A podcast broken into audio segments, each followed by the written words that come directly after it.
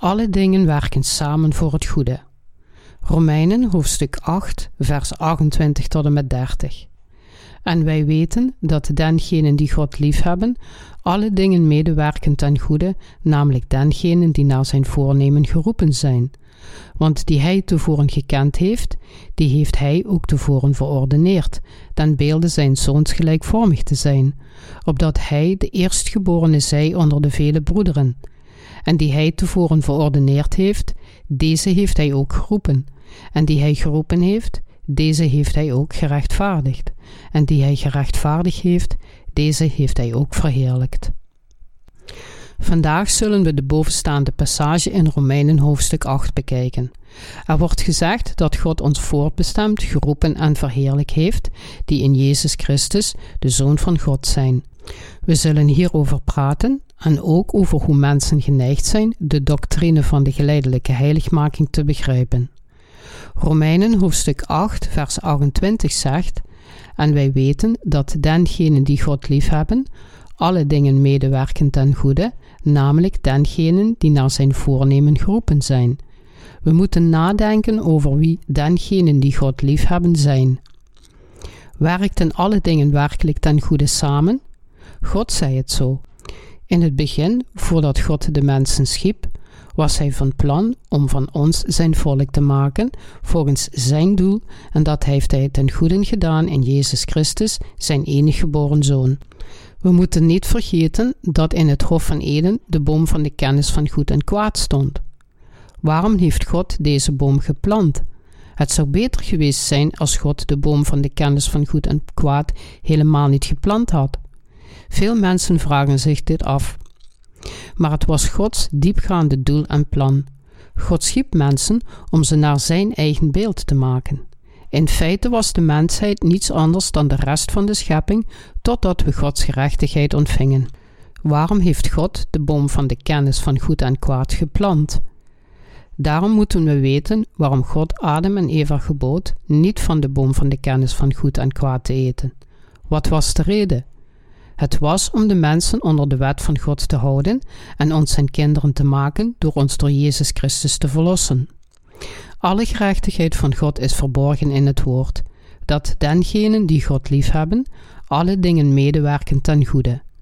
Aangezien God zei, en wij weten dat dengenen die God liefhebben, alle dingen medewerken ten goede, namelijk dengenen die naar zijn voornemen geroepen zijn. Romeinen hoofdstuk 8, vers 28 moeten we het antwoord op de vraag vinden in het evangelie van het water en de geest, gegeven door Jezus Christus. Om dit te doen moeten we eerst het evangelie van God erkennen. We zullen ons dan realiseren dat alles wat God regelt en doet goed is. Maar om deze waarheid te begrijpen, moeten we wedergeboren zijn door het geloof in het evangelie van het water en de geest. We moeten het antwoord zoeken in het evangelie dat God ons heeft gegeven. De reden waarom God ons schiep, de boom van de kennis van goed en kwaad planten in de Hof van Eden, Adam en Eva ervan liet eten en ons de wet te kennen gaf, was om ons tot zijn eigen kinderen te maken. Onze Heer, die ons helemaal heeft verlost, liet dit alles gebeuren, zodat Hij ons de vergeving van zonden, het eeuwige leven, de heerlijkheid en de hemel kon geven. God maakte de mens uit stof en de mensheid werd gemaakt en geboren om zwak te zijn. De Bijbel vergelijkt ons vaak met vaten van klei. God, die de pottenbakker is, vormde de mens uit klei. Hij vormde de mens uit stof en blies hem de liefde van het water en de geest in. God heeft ons de waarheid van het water en de geest gegeven om ons zijn eigen kinderen te maken. Aardewerk dat met klei is gemaakt, breekt gemakkelijk. Op deze manier schiep God eerst het lichaam en de geest van de mens om zwak te zijn, om hem tot zijn kind te maken. Zijn doel werd vervuld door Jezus, die alle zonden van de mensheid wegwaste en hen bekleedde met Gods heiligheid, om hen eeuwig te leven te geven door hen wedergeboren te laten worden met het evangelie van het water en de geest. Daarom heeft God ons vanaf het begin onvolmaakt en zwak gemaakt in plaats van onberispelijk. Waarom schiep God de mens in het begin zwak? Waarom plantte God de boom van de kennis van goed en kwaad in Eden en gebood Adam en Eva er vervolgens niet van te eten? De reden hierachter moet begrepen en geloofd worden binnen het evangelie van het water en de geest. Waarom zei God dat het zaad van de vrouw Satans hoofd zou vermorzelen en dat Satan zijn hiel zou vermorzelen toen Adam en Eva vielen en zondigen? Al deze dingen moesten mensen tot zijn eigen kinderen maken. Het was zijn plan voor ons in Jezus Christus, zijn enige geboren zoon. Wie worden dan volgens Gods voornemen geroepen?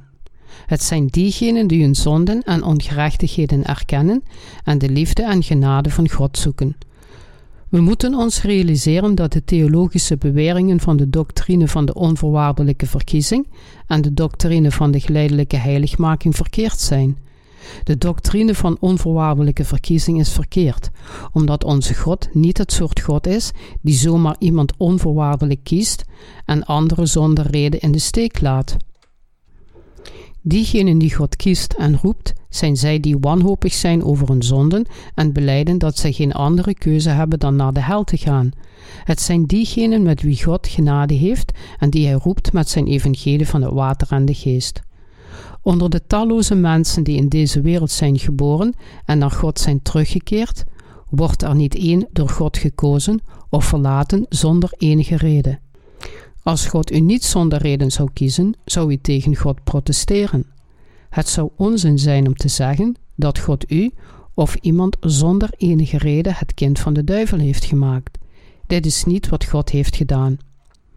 Als u niet door God bent gekozen, is dat omdat u niet in het evangelie van het water en de geest gelooft.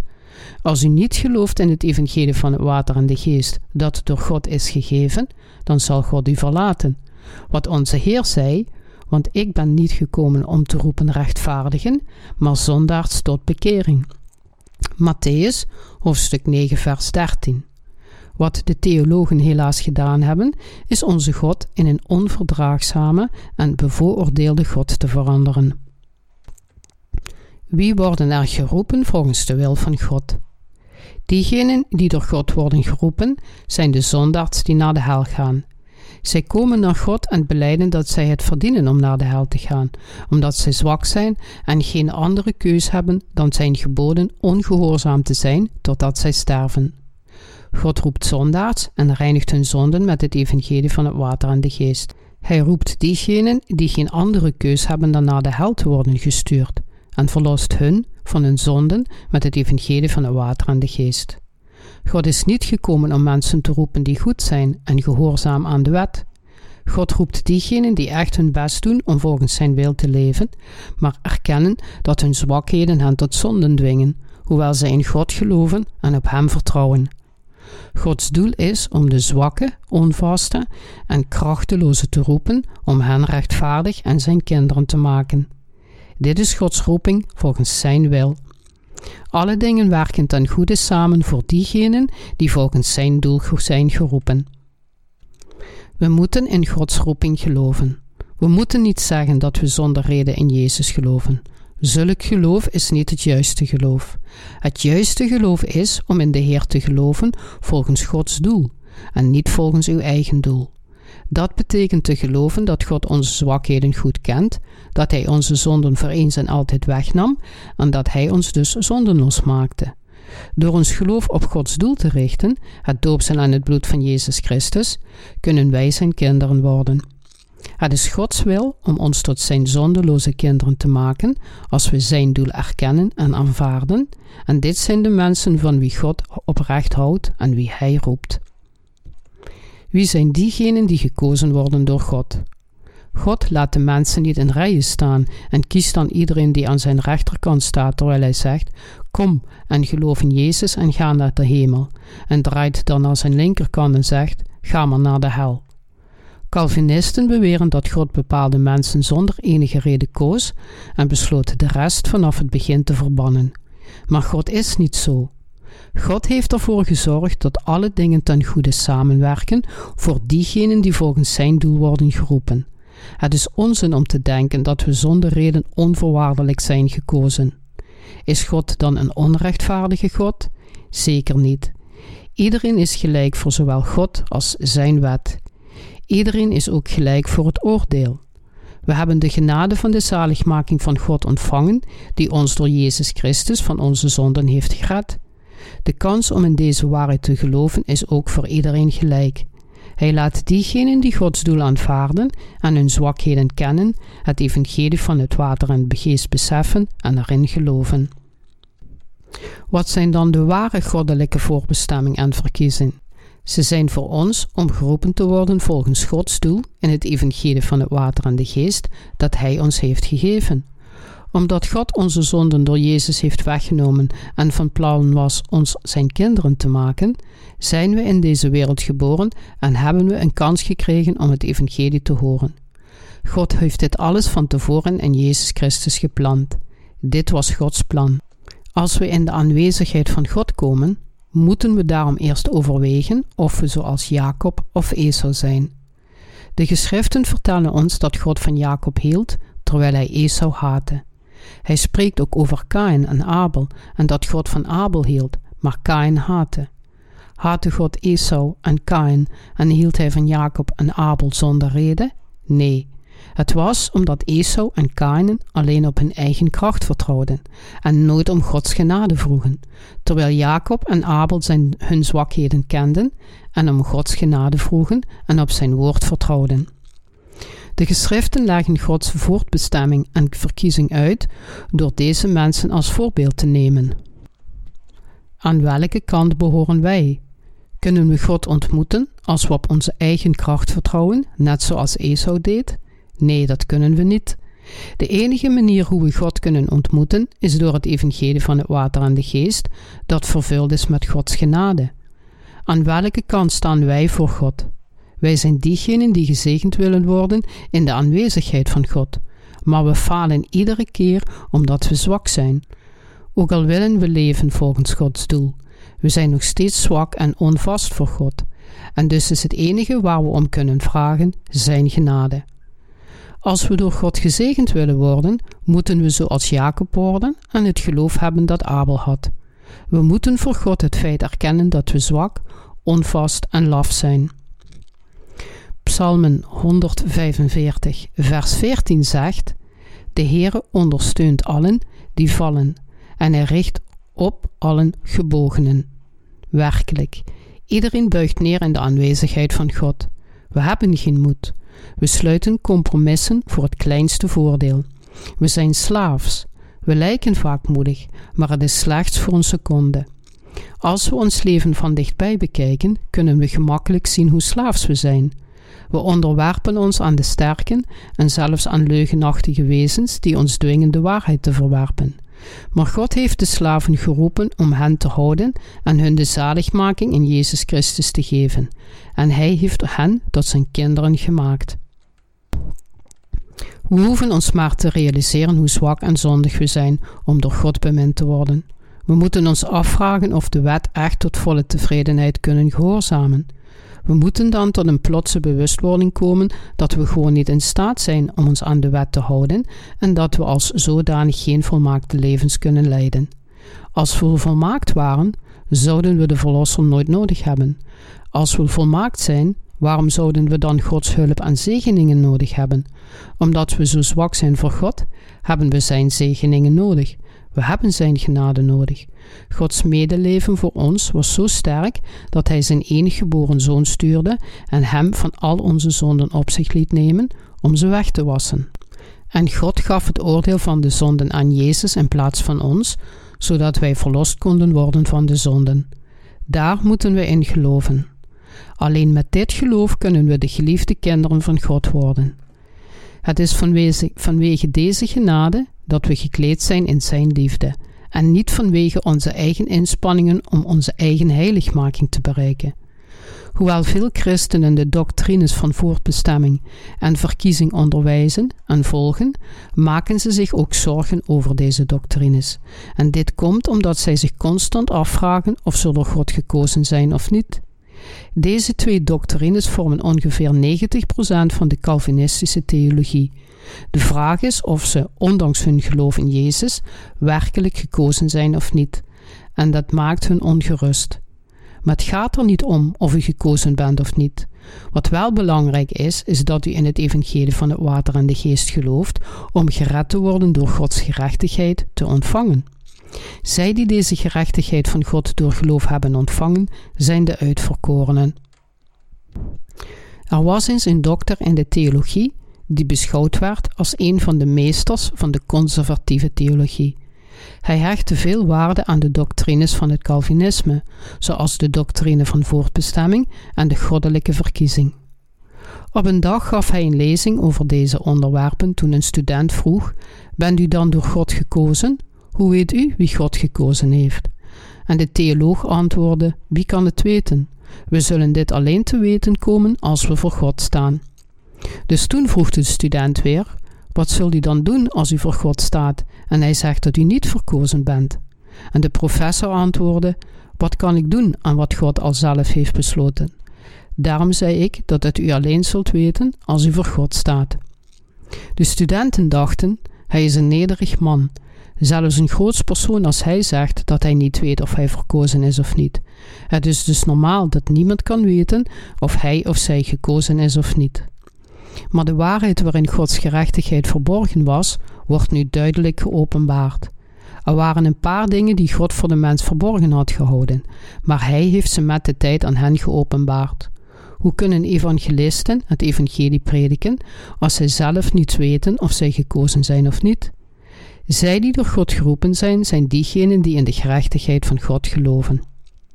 Romeinen hoofdstuk 8, vers 29 verklaart: Want die hij tevoren gekend heeft, die heeft hij ook tevoren verordeneerd, ten beelde zijn zoons gelijkvormig te zijn, opdat hij de eerstgeborene zij onder vele broederen. God de Vader had ons voortbestemd om ons te vormen naar het beeld van zijn enige Zoon, Jezus Christus, zodat hij de eerstgeborene zou zijn onder vele broeders. Hier wordt Jezus de eerstgeborene genoemd. Als we in Jezus geloven en in het evangelie van het water en de geest dat Hij ons heeft gegeven, zijn we gered van al onze zonden en worden we Gods kinderen. Wat zou Jezus dan in relatie tot ons zijn? Hij zou onze oudste broer zijn. Hij is Gods eerstgeborene en wij zijn zijn jongere broers en zussen. Lang geleden, toen ik in een gebedshuis woonde, bezocht een oude evangelist mij. Hij was in Jezus gaan geloven toen hij in China was en kwam toen naar Korea. Ik hoorde hem op een dag bidden en dit is wat hij zei: Broeder Jezus en God de Vader, dank u dat u mij gered heeft. Broeder Jezus, help mij alstublieft. Jezus is onze broer. We kunnen ons afvragen of God alles van ons weet. Het antwoord is ja. Hij weet alles van ons. God de Vader weet alles van ons. Zelfs voor de schepping van deze wereld was Hij van plan ons van onze zonden te redden door Zijn enige geboren Zoon. Dit was Gods plan. Zijn Zoon Jezus kwam naar de wereld, werd gedoopt en gekruisigd om ons van al onze zonden te redden. God had het al gepland. We kunnen zeggen dat God voor de grondlegging van de wereld een driedelige conferentie bijeenriep: de goddelijke drie-eenheid, de Vader, de Zoon en de Heilige Geest waren van plan de mensen die in Zijn gerechtigheid geloven te verlossen. Zijn plan was om de mensen te scheppen en van hen zijn kinderen te maken, om met hen samen te leven in Zijn volmaakte koninkrijk. De Vader, de Zoon en de Heilige Geest waren het allemaal eens over het plan. Toen, terwijl hij erover nadacht hoe hij de mens zou scheppen en de mensheid tot zijn kinderen zou maken, was God van plan om de Zoon, Jezus, naar de wereld te sturen en hem te laten dopen en te dood te brengen aan het kruis, zodat zij naar het beeld van zijn Zoon gevormd konden worden. Wat was het doel van God om ons te scheppen? Het doel was om ons zijn kinderen te laten worden. Is Jezus de eerstgeborene van God? Ja, dat is Hij. En omdat wij de kinderen van God zijn geworden, zijn wij ook Zijn broeders en zusters. Toen Jezus 33 jaar op deze aarde leefde, ervoer hij alle menselijke zwakheden en gebreken. Daarom zeggen wij als we bidden: Jezus, ik ben zo zwak, zo ben ik. Help me alstublieft en bescherm me. Verzacht de harten van de mensen om uw woord te aanvaarden. Waak over hun, geef genade en help hun. De Heer hoort en beantwoordt onze gebeden. Bidden tot Jezus en bidden tot God is hetzelfde. Wat was het doel van God om ons te scheppen? Het was om ons tot zijn kinderen te maken.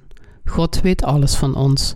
Hij liet ons in deze wereld geboren worden en hij redde ons van al onze zonden door het doopsel van Jezus en zijn bloed aan het kruis, omdat hij voortbestemd had, zelfs voor de grondlegging van de wereld, om ons als zijn eigen zonen en dochters te adopteren. Hij kent daarom niet alleen onze levens en dood, maar elke beweging die we maken.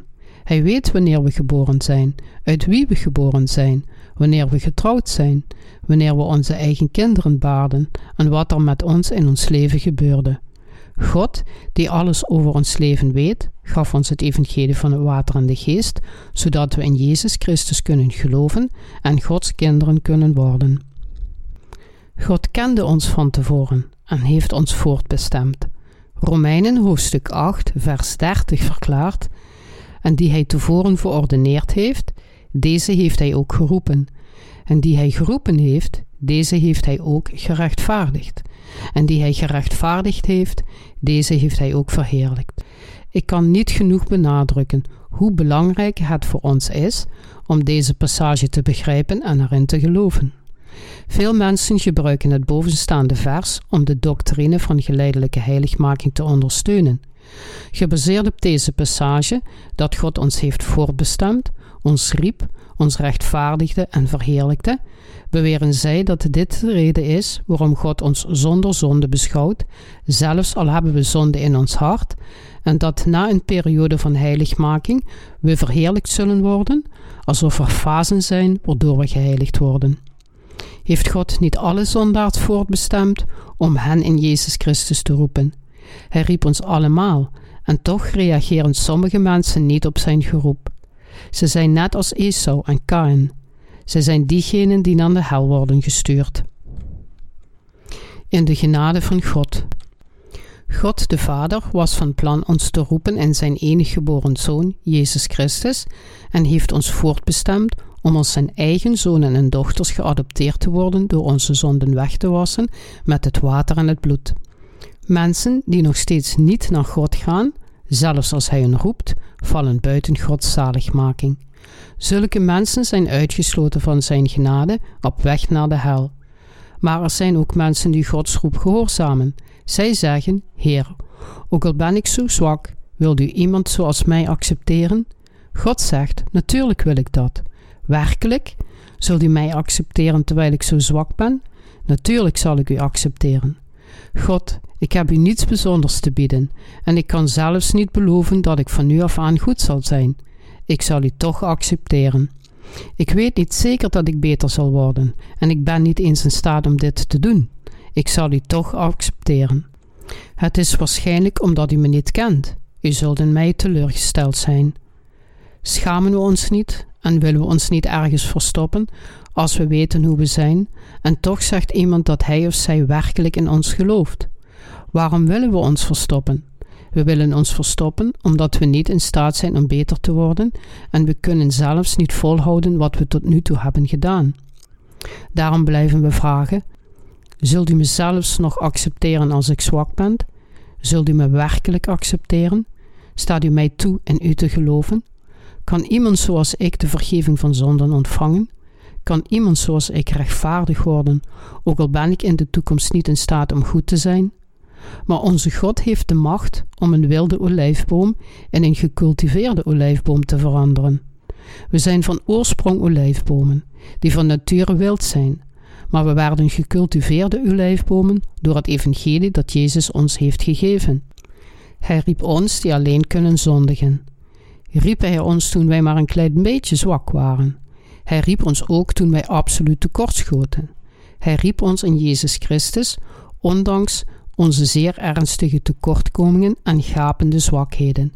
Hij riep ons die zwak en onvast waren. Wat deed Hij nadat Hij ons geroepen had? Hij nam al onze zonden weg en gaf ons Zijn gerechtigheid, zodat wij het eeuwige leven kunnen hebben. Hoe deed Hij al deze dingen? In hoofdstuk 3 van Matthäus wordt ons verteld dat Jezus naar de wereld kwam en gedoopt werd om alle gerechtigheid te vervullen die God voor de hele mensheid had ingesteld. Jezus werd door Johannes gedoopt, nam alle zonden van de mensheid op zich, stierf aan het kruis terwijl hij al onze zonden droeg en herrees van de dood op de derde dag om hun van de zonden van de wereld te redden. Hij gaf ons een nieuw leven en door dit te doen heeft Hij ons gerechtvaardigd en al onze zonden weggewassen. Jezus riep ons, waste onze zonden met het water en het bloed weg, gaf ons Gods gerechtigheid, maakte ons zondeloos en verheerlijkt ons, die Hij gerechtvaardigd heeft, door ons de kinderen van God te maken. Jezus verheerlijkte ons om de hemel binnen te gaan en eeuwig als Gods kinderen te leven. Begrijpt u dit? Maar de religieuze doctrines leren dat, hoewel u een zonderd bent, als u in Jezus gelooft, geleidelijk aangeheiligd zult worden en dat u tegen de tijd dat u sterft voor God zult staan als een volmaakt persoon. Dit gaat tegen de waarheid in. Dit is niet het ware geloof. En dit soort geloof is voor de doctrine van heiligmaking en niet voor de waarheid. De Heer heeft ons van onze zonden gered. En God heeft ons voortbestemd, ons geroepen, onze zonden met het water en het bloed in één keer weggewassen, ons zijn kinderen gemaakt, die geheiligd zijn en ons gezegend, zodat we het koninkrijk van God in heerlijkheid kunnen binnengaan. Dit is de waarheid en zo sprak hij over de waarheid, door alle zegeningen in Jezus Christus in één zin samen te voegen. Deze passage heeft het niet over de zeven fases van de doctrine van de geleidelijke heiligmaking. Het zegt niet dat we geleidelijk volmaakt zullen worden, nadat we door de zeven fasen zijn gegaan om volledig heilig te worden. Romeinen hoofdstuk 8 vers 30 zegt niet dat God ons zal roepen nadat we in Jezus zijn gaan geloven, of dat we geheiligd zullen worden als we ouder worden. Het zegt ook niet dat we stap voor stap de ladder van de zaligmaking zullen opklimmen, totdat we de volledige heiligheid bereiken. Toen wij Jezus Christus kenden en Jezus Christus ons riep, vergaf Hij onze zonden voor eens en altijd met het water en het bloed. Als we met dit evangelie van de waarheid voor God komen, zullen we in Zijn armen ontvangen worden. Sommige mensen zeggen: Ik kende mijn eigen zonde nog niet eens, maar na het horen van de preek begon ik me ervan bewust te worden. Er zijn één of twee zonden die ik me herinner uit het verleden, en ik zal waarschijnlijk in de toekomst blijven zondigen, dus ik denk dat ik niet in God kan geloven. Maar dat klopt niet. We zouden in plaats daarvan zo moeten denken: Ach, het is waar, ik kende mijn eigen zonde niet, zelfs niet toen ik ze beging. Het hele woord van God is juist. Ik moet in zijn woord geloven, maar ik ben niet in staat om erna te leven. Ik ben een onvermijdelijke ernstige zondaard die voortbestemd is om naar de hel te gaan. Daarom kwam Jezus. We zijn zondenloos gemaakt door in Jezus te geloven en de vergeving van de zonden te ontvangen. We werden geheiligd en God maakte ons zijn kinderen omdat we de kinderen van God zijn, zijn we in staat om de hemel binnen te gaan en verheerlijkt te worden. Dit is Gods gerechtigheid en de waarheid. God heeft ons voortbestemd, ons geroepen, gerechtvaardigd en verheerlijkt. U zult denken dat de doctrine van de geleidelijke heiligmaking juist is, terwijl u zegt: Ik zal geleidelijk veranderen en een zonderloos persoon worden maar u wordt in één keer gerechtvaardigd en geheiligd op het moment dat u in het evangelie van het water en de geest gelooft. Uw hart verandert niet in fasen. Uw hart zal in één keer zondenloos worden en het is uw geloof dat geleidelijk groeit als u in het woord van God en zijn kerk gelooft. Ons geloof groeit geleidelijk naarmate we gevoed worden door het woord van God, om uiteindelijk het punt te bereiken waarop we zelfs anderen kunnen onderwijzen. Maar de bewering dat we Gods kinderen zullen worden, nadat we nog vollediger en zonderlozer zijn geworden, is niet gebaseerd op de Bijbel. We worden in één keer geheiligd en zondenloos. Heeft God ons geroepen in overeenstemming met zijn voortbestemming in Christus Jezus? Ja, dat deed Hij. Hij riep ons in Jezus Christus en Hij maakte ons rechtvaardig en zondenloos. God rechtvaardigde ons en maakte ons zondenloos door Jezus Christus nam ons aan als zijn kinderen en verheerlijkte ons om zijn koninkrijk binnen te gaan. We werden in één keer gerechtvaardigd door in de zaligmaking van Jezus Christus te geloven, die alle gerechtigheid van God vervulde. We zijn gezegend omdat we gehoorzaamden aan Gods geroep en geloofden dat Jezus al onze zonden wegwaste om ons, ondanks onze ongerechtigheden, tot zondeloze en rechtvaardige kinderen van God te maken, de mensen van Zijn koninkrijk. Daarom is de doctrine van de geleidelijke heiligmaking niet juist. Het slaat nergens op. De Bijbel zegt ons duidelijk: En die Hij tevoren verordeneerd heeft, deze heeft Hij ook geroepen. En die Hij geroepen heeft, deze heeft Hij ook gerechtvaardigd. En die Hij gerechtvaardigd heeft, deze heeft Hij ook verheerlijkt. Geloof groeit geleidelijk, maar de vergeving van zonden, kinderen van God worden en de hemel binnengaan, dit alles gebeurt voor eens en altijd. Gelooft u hierin? We zijn in staat om Gods kinderen te worden door in het evangelie van het water en de geest te geloven. God heeft onze waardeloze levens van al onze zonden gered door de genade van het water en de geest. Hebben we op enige wijze iets voor God gedaan voor onze zaligmaking? Hebben we bijgedragen om rechtvaardig te worden? Er is niets dat we hebben gepland en niemand besluit in Jezus te geloven, zelfs niet voordat hij of zij is geboren. Is er iemand die besluit om in Jezus te gaan geloven, terwijl hij of zij in zijn of haar moeders buik zit? We hoorden toevallig de waarheid van diegenen die het evangelie van het water en de geest predikten, beseften dat het de waarheid is en dachten bij onszelf: ik heb geen andere keus dan daarin te geloven. Een zondig persoon zoals ik moet daarin geloven. Vanaf die tijd begonnen we in het evangelie van het water en de geest te geloven, ontvingen we de vergeving van zonden en werden we Gods kinderen. Alleen de rechtvaardigen zijn Gods kinderen. God verheerlijkt hun voor altijd met de eeuwige rijkdommen en eer van het koninkrijk van de hemel.